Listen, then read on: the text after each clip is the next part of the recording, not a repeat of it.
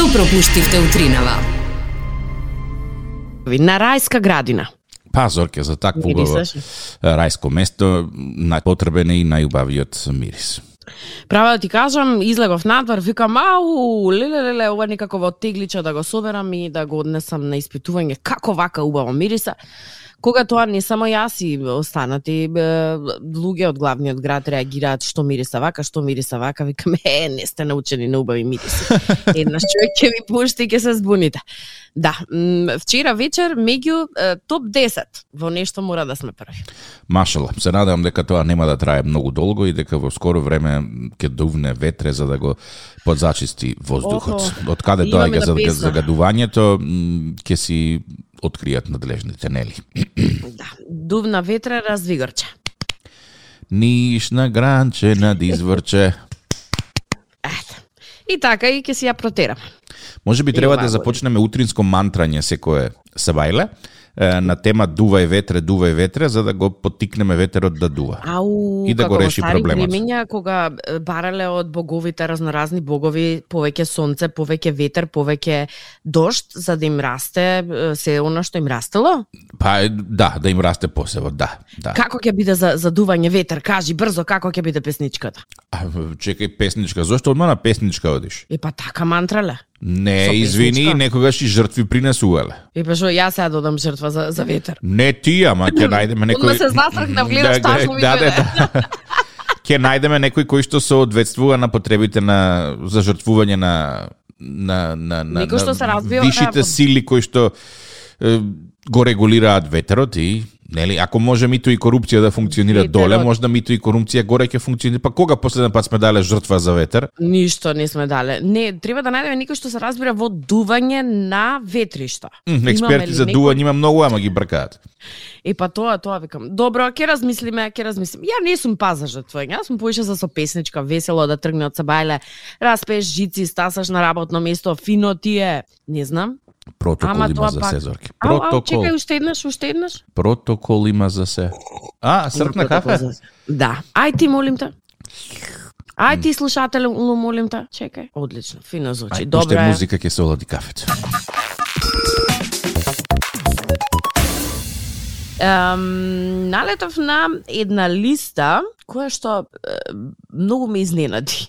И се уште кога размислувам на незе, буквално тоа не се личностите кои што може би заслужуваат да се најдат на таа листа. Меѓутоа, независно од тоа што јас размислувам, дефинитивно ќе сакам да ја продискутираме. Се работи за листата за 12 најомразени личности за 2023 година.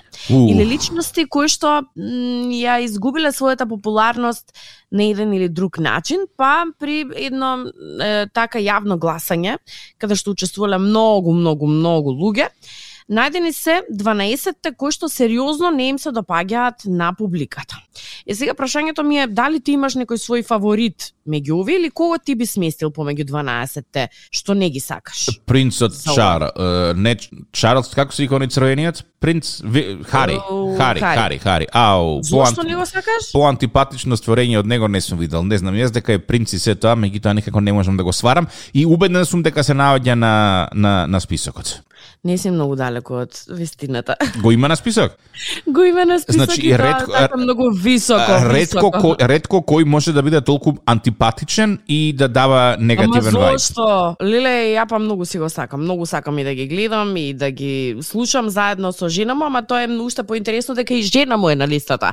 А сега кој е повисок од кого, тоа не знам дали би можеле да кажеме.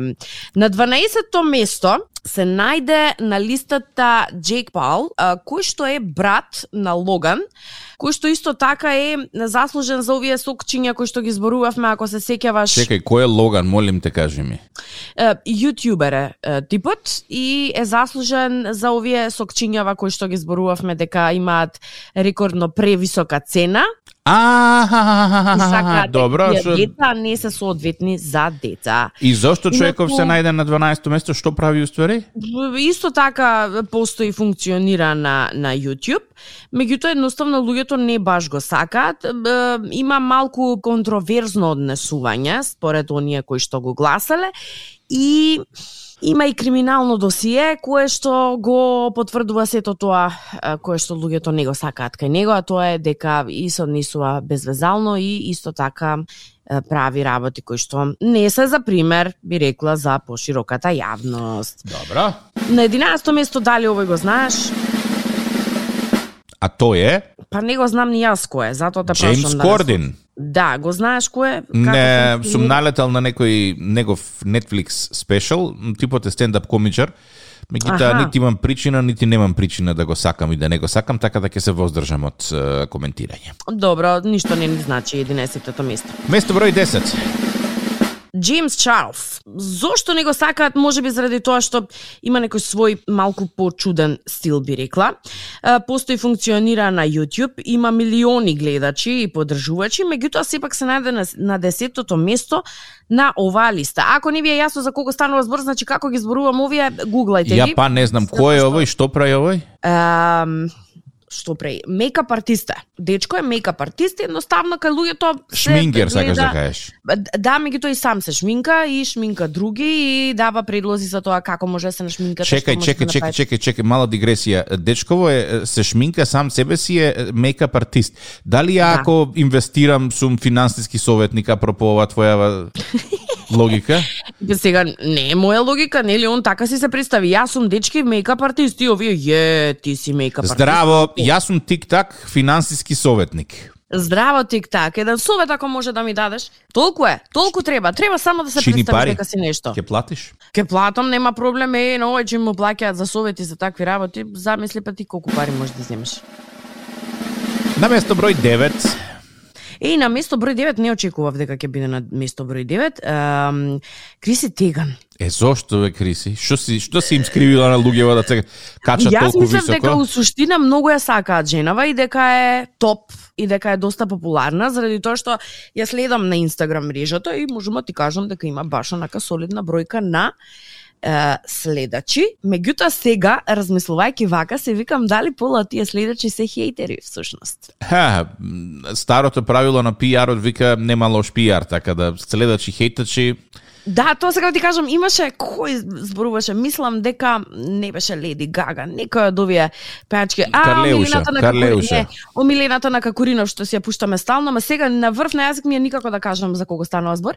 Секогаш ги почнува говорите со им благодарам на моите хейтери. Да не сте вие нема да имам толку прегледи на YouTube или не знам, нема да имам толку симнување на песните. Така што кога ќе видите добра маса на луѓе кои што не ве сакаат, се всушност вашата најголема поддршка затоа што таму како бројка функционираат. Добро, И држи затоа вода. се чудам, затоа се чудам зошто женава се најде на е, деветото место. Е, на осмото место. Овој Тепачов.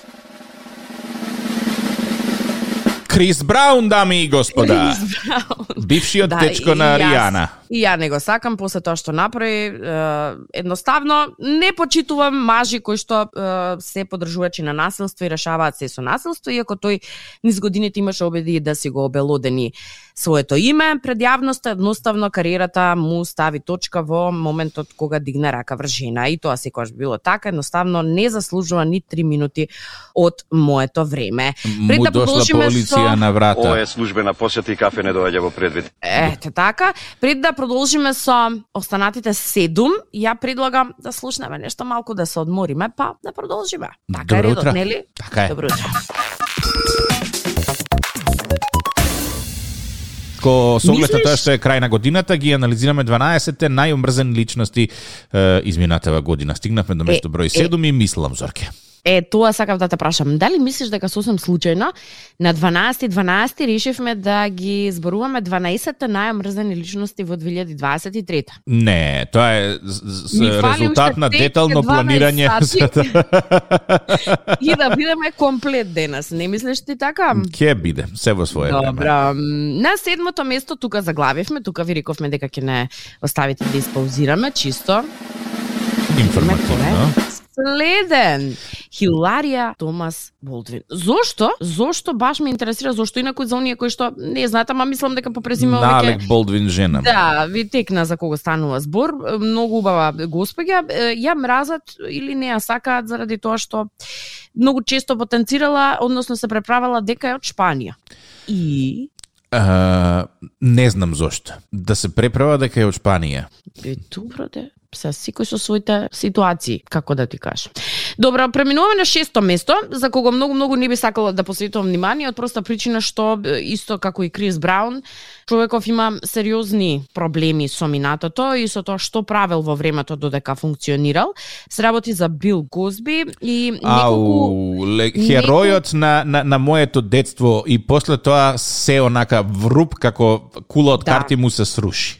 А, не знам дали знаеш дека а, долго време беше на оваа листа на местото број 1, оваа година а, неколку места повисоко, односно пониско, не е веќе на местото број 1, сега е на местото број 6 и е, според оно што го изначитав на интернет за него пос, во последниве години две, има сериозни проблеми да докаже дека е Невин. невин, ама се оди во, тоа, во таа насока дека е многу виновен за сето тоа кое што го правил во минатото. Чекај, мала дигресија. Си приметила ли во последно време дека е многу потешко да се докажеш дека си невин отколку што си виновен? Значи, ако ти излезе муабет на интернет, Дека нешто се случувало, готово, да. е, џабе ти е, по судски пат ќе докажеш дека си невин. Битно на интернет те распнале. А, од една Тоа, тоа, гледна тоа, тоа, точка, таа социјална пресуда е многу пострашна од она судска пресуда, да кажеме. Па се зависи од кој агол ги гледаш нештото. Ако судски, а мислиш во смисла на судски да да да докажат дека си невина, ама ти на социјални мрежи да речеме готово. да, да, да, си те готово, се тебе те прогласиле за виновен на социјални мрежи и тоа е тоа, нема бегање. Па да, сега те прогласиле за виновен може да бидат и разно разни муабети кои што немаат врска да речеме со Ама еве, колку, колку е едноставно да ти, да ти се пушти некој негативен муабет на е. социјални мрежи денеска. И ај после е. докажи дека не си... Не, не докажуваш, едноставно ако веруваш и ако знаеш дека не си виновен, живееш со, то, со таа точка на, на твојот образ така цел живот. Е, од никаде ништо. Сакаш да ти Ама пуштиме еден муабет да видиме како ти ќе се справиш? со- муабет Па не знам, ќе смислам нешто. и- Нешто негативно? Па да. Јај, пробај. Ај пробај вика. Па ќе се докажеме на суд, да видиме дали сум или не сум. Не знам, некако жалосно, особено, знаеш што е проблемот? Овие луѓе кои што сме ги гледале по екраните долги години, како на пример Бил Козби. Бил херој во едно време кога телевизијата ни била многу многу важна како сегмент во животот. И сега си го гледал, си се смеел со него, часови си поминал пред телевизорот И наеднаш ова се случува, така? имам некоја мачнина во желудникот, а не од мојата состојба фактичка. Доаѓа од спомнување на неговото име. Да. Искрено да ти кажам. И ми е многу жал што расипа многу, многу, многу детства, во смисла на тоа дека си поминувал време и време пред телевизорот за да ги гледаш неговите серии и шоа. И сега све во вода. На место број 5, мојата Еве омилена личност. Еве Принцот ти го на место број 5, принцот Хари. Е, зошто така, што се случи, глава нешто пак ми бучи, не знам. Човеков, ете се најде на листата на место број 5 како дел од најмразените личности за 2023 година. Дали неговите ситуации со книгата, со преселувањето во друга земја, откажувањето од својата титула, послушувањето на својата жена, не знам, мене никако не ми е за листова, ама еве ти велиш дека тебе ужасно те нервира и се најде на петото место. Малку пред него, верувал или не, ја просто не можам да верувам дека е на оваа листа. Опра човече. Винфри. Опра, како можеше Опра да се најде на, на листата на најомразените личности? Нели ја гледаме на телевизија? Нели многу личности сакаат како не за да бидат? Сака Нели- А како не за да бидат, потоа што Опра стана случи? богата и луѓето почнаа да ја мрзат. Значи, Чекај, ја Опра е мразат типи... зашто е богата? Опра е типичен пример на тоа како од некој се станува, од никој се станува некој. Добро, со труд и посветеност, Да, окей. и тоа кај многу луѓе предизвикува завист, што резултира со омраза. Види, не дека не сум се чудела на некои незини постапки, како на пример кога излезе на интернет веста дека своите 12 кучиња со приватен авион ги носела на одмор, сикам ту како не почнав јас да лаам и да бидам во близина на Опра. Ама, зошто да ја мразам заради незиниот успех? Ја некако ми е тоа несвојствено. Баш имам и книгата и се си викам денес утре, денес утре ќе ја почнам и некако не почнам да ја читам, ама за ова ќе може накнадно да искоментираме откако ќе можам да поминам низ целата незина книга. Знам дека имала многу тешко минато, се Да. соочувала со многу предрасуди, многу работела за да стаса онаму каде што е и сега наместо крајниот резултат ти е да уживаш во тоа што си го работел, луѓето те мразат. Така е. А на следното место исто така жена која што доаѓа од ток-шоу бизнисот. Елен Дедженерес. Елен, Елен, да. Исто, мислев дека е жена која што многу ја сакаат луѓето со оглед на тоа што има многу популарно ток-шоу кое што се пренесуваше едно време и кај нас на нашите телевизии, што се случи не знам, една две сезони само гледавме. Најчесто ја гледам на интернет, многу ја сакам, ми е пресмешна, има многу добри гости, меѓутоа се најде на место број 3 на листата на најмразени личности. Моето прашање повторно е зошто? Дали е истата причина поради која што и опра ја мразат? Да. Можно е, меѓутоа не Може би ова е малку подрска на јазик, па има навредено разноразни луѓе, ама пак не гледам зошто да биде на листата. Се пази, уни го работат тоа што малта ни ние до некаде го работиме. Дали ако ти станеш финансиски гуру и се наполниш пари, луѓето ќе почнат да те мразат. Тоа сакам да прашам. Па, може би да, може би не. Ова е прашање на кое што немам одговор и на кое што не ни сакам да добијам одговор, затоа што Па веројатноста... Не, нема логика некого да мразиш само заради неговата финансиска моќ. Работел човекот, окей, негова не, негова среќа. Не знам како да кажам. Ама добро. На број 2, е, поубавата половина од принцот Хари. Да, Меган, зошто Меган? Мене ми е баш сладка. Не знам, баш сум разочарана зошто се најде на второто место. И тоа се најде на второто место, веројатно заради истата ситуација поради која и Хари се најде или заради тоа што беше дошепнувачот на Хари и, и ветерот во грб за да ги направи сите оние работи кои што ги направи човеков. А И- јас само мислам дека е многу паметна и многу ус- успешна жена. Ти да натераш да се откаже од се само за да биде вечно твој. Ау, браво Меган. И на место број 1, Те молам, не можам ова да коментирам. личност, личноста чие што име го гледам и викам, која е ова? Не, Чекај, сериозно? чекај, чекај, сега ќе ти кажам. Која е ова Добро. Амбер Хрдз? И после тоа викам, ау, Амбер на Джони. Зорка Амбер на Горан Джони. Муамедов. Пази, луѓето година дена си се разведува, од нивниот развод направија е, шоу, ако не се лажам, на Netflix оди шоуто. да, на Netflix оди. Па, е, еден тон мемиња излегоа од нив. Е, серии на, на YouTube, каде што луѓе, рандом, ја и тие ве сега да седнеме и сега да го гледаме нивниот развод и да коментираме, ау, тука требаше вака, тука требаше така. Па кратки клипови излегоа. Мислам дека во својата кариера толку многу не предизвика интерес колку во периодот кога се разведуваше. Да, со сите оние глупости кои што ги направи на, на времето. И излегоа разноразни теории за тоа дали лаже, кој лаже, кој краде, кој има вошки, кој спие по тавани, ништо не се реши, освен дека ја ставија не за ја сместија на место број 1 како најмразена личност за 2023 И замислива сега Джони Дип ја чита листове вика ху ху ху. Што ти се задеси?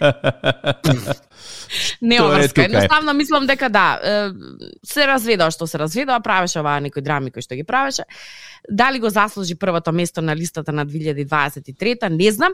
Ако вие сметате дека постојат личности кои што не завземаа место на листата во 2023 а требаше, нашето сандаче на Facebook и на Instagram е отворено за вас. Баш ме интересира што мислите кој недостасува на оваа листа.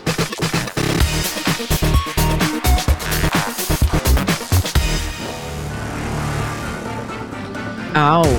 Драма. Кога И да знаеш прочитав, дека е драма. не ми се веруваше.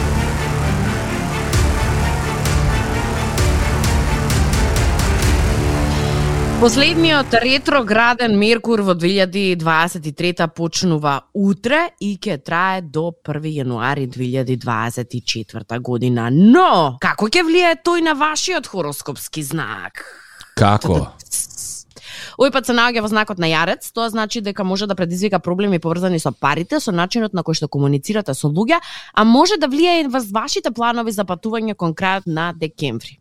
А, у, добро. Многу работи испреплетени. Ретроградниот Меркур вели се поклопува со последната млада месечина во годината, што значи дека може да донесе многу нови идеи и перспективи. Сега нели беше лошо од кај дека е добро.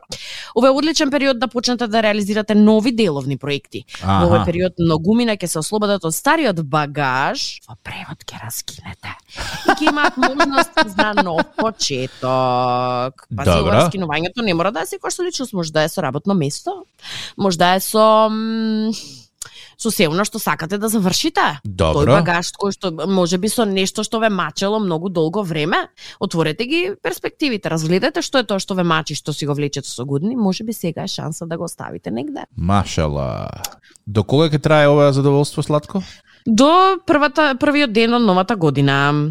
И сега, нели, зависно поделено е овде на кој што може да му се случи, ама тоа значи дека малку внимание кога ќе комуницирате, малку повеќе внимание како ќе ги трошите парите и ако евентуално сакавте да патувате некаде, добро размислете, сега баш и не е нешто нај-нај за патување, иако луѓето сакаат реално да излезат малку од комфорт зоната во периодот кога е пред новогодишните празници. И сега, нели, ова не значи за сите. Некои ќе имаат нови идеи, нова перспектива, ќе гледаат од други агли, ќе видат многу нови нешта кои што досега не ги виделе. Така е. Ле, ле, ле, ле, ле, многу ме бива, нели? Те бива. Брилијантно. Да, да. Добро, да. значи врзете појаси, ретрограден Меркур трае Тргаме. до 1 јануари. Тргаме. Е, нов прирачник во подготовка. За што станува збор за кратко? Остани тука. Добро утро.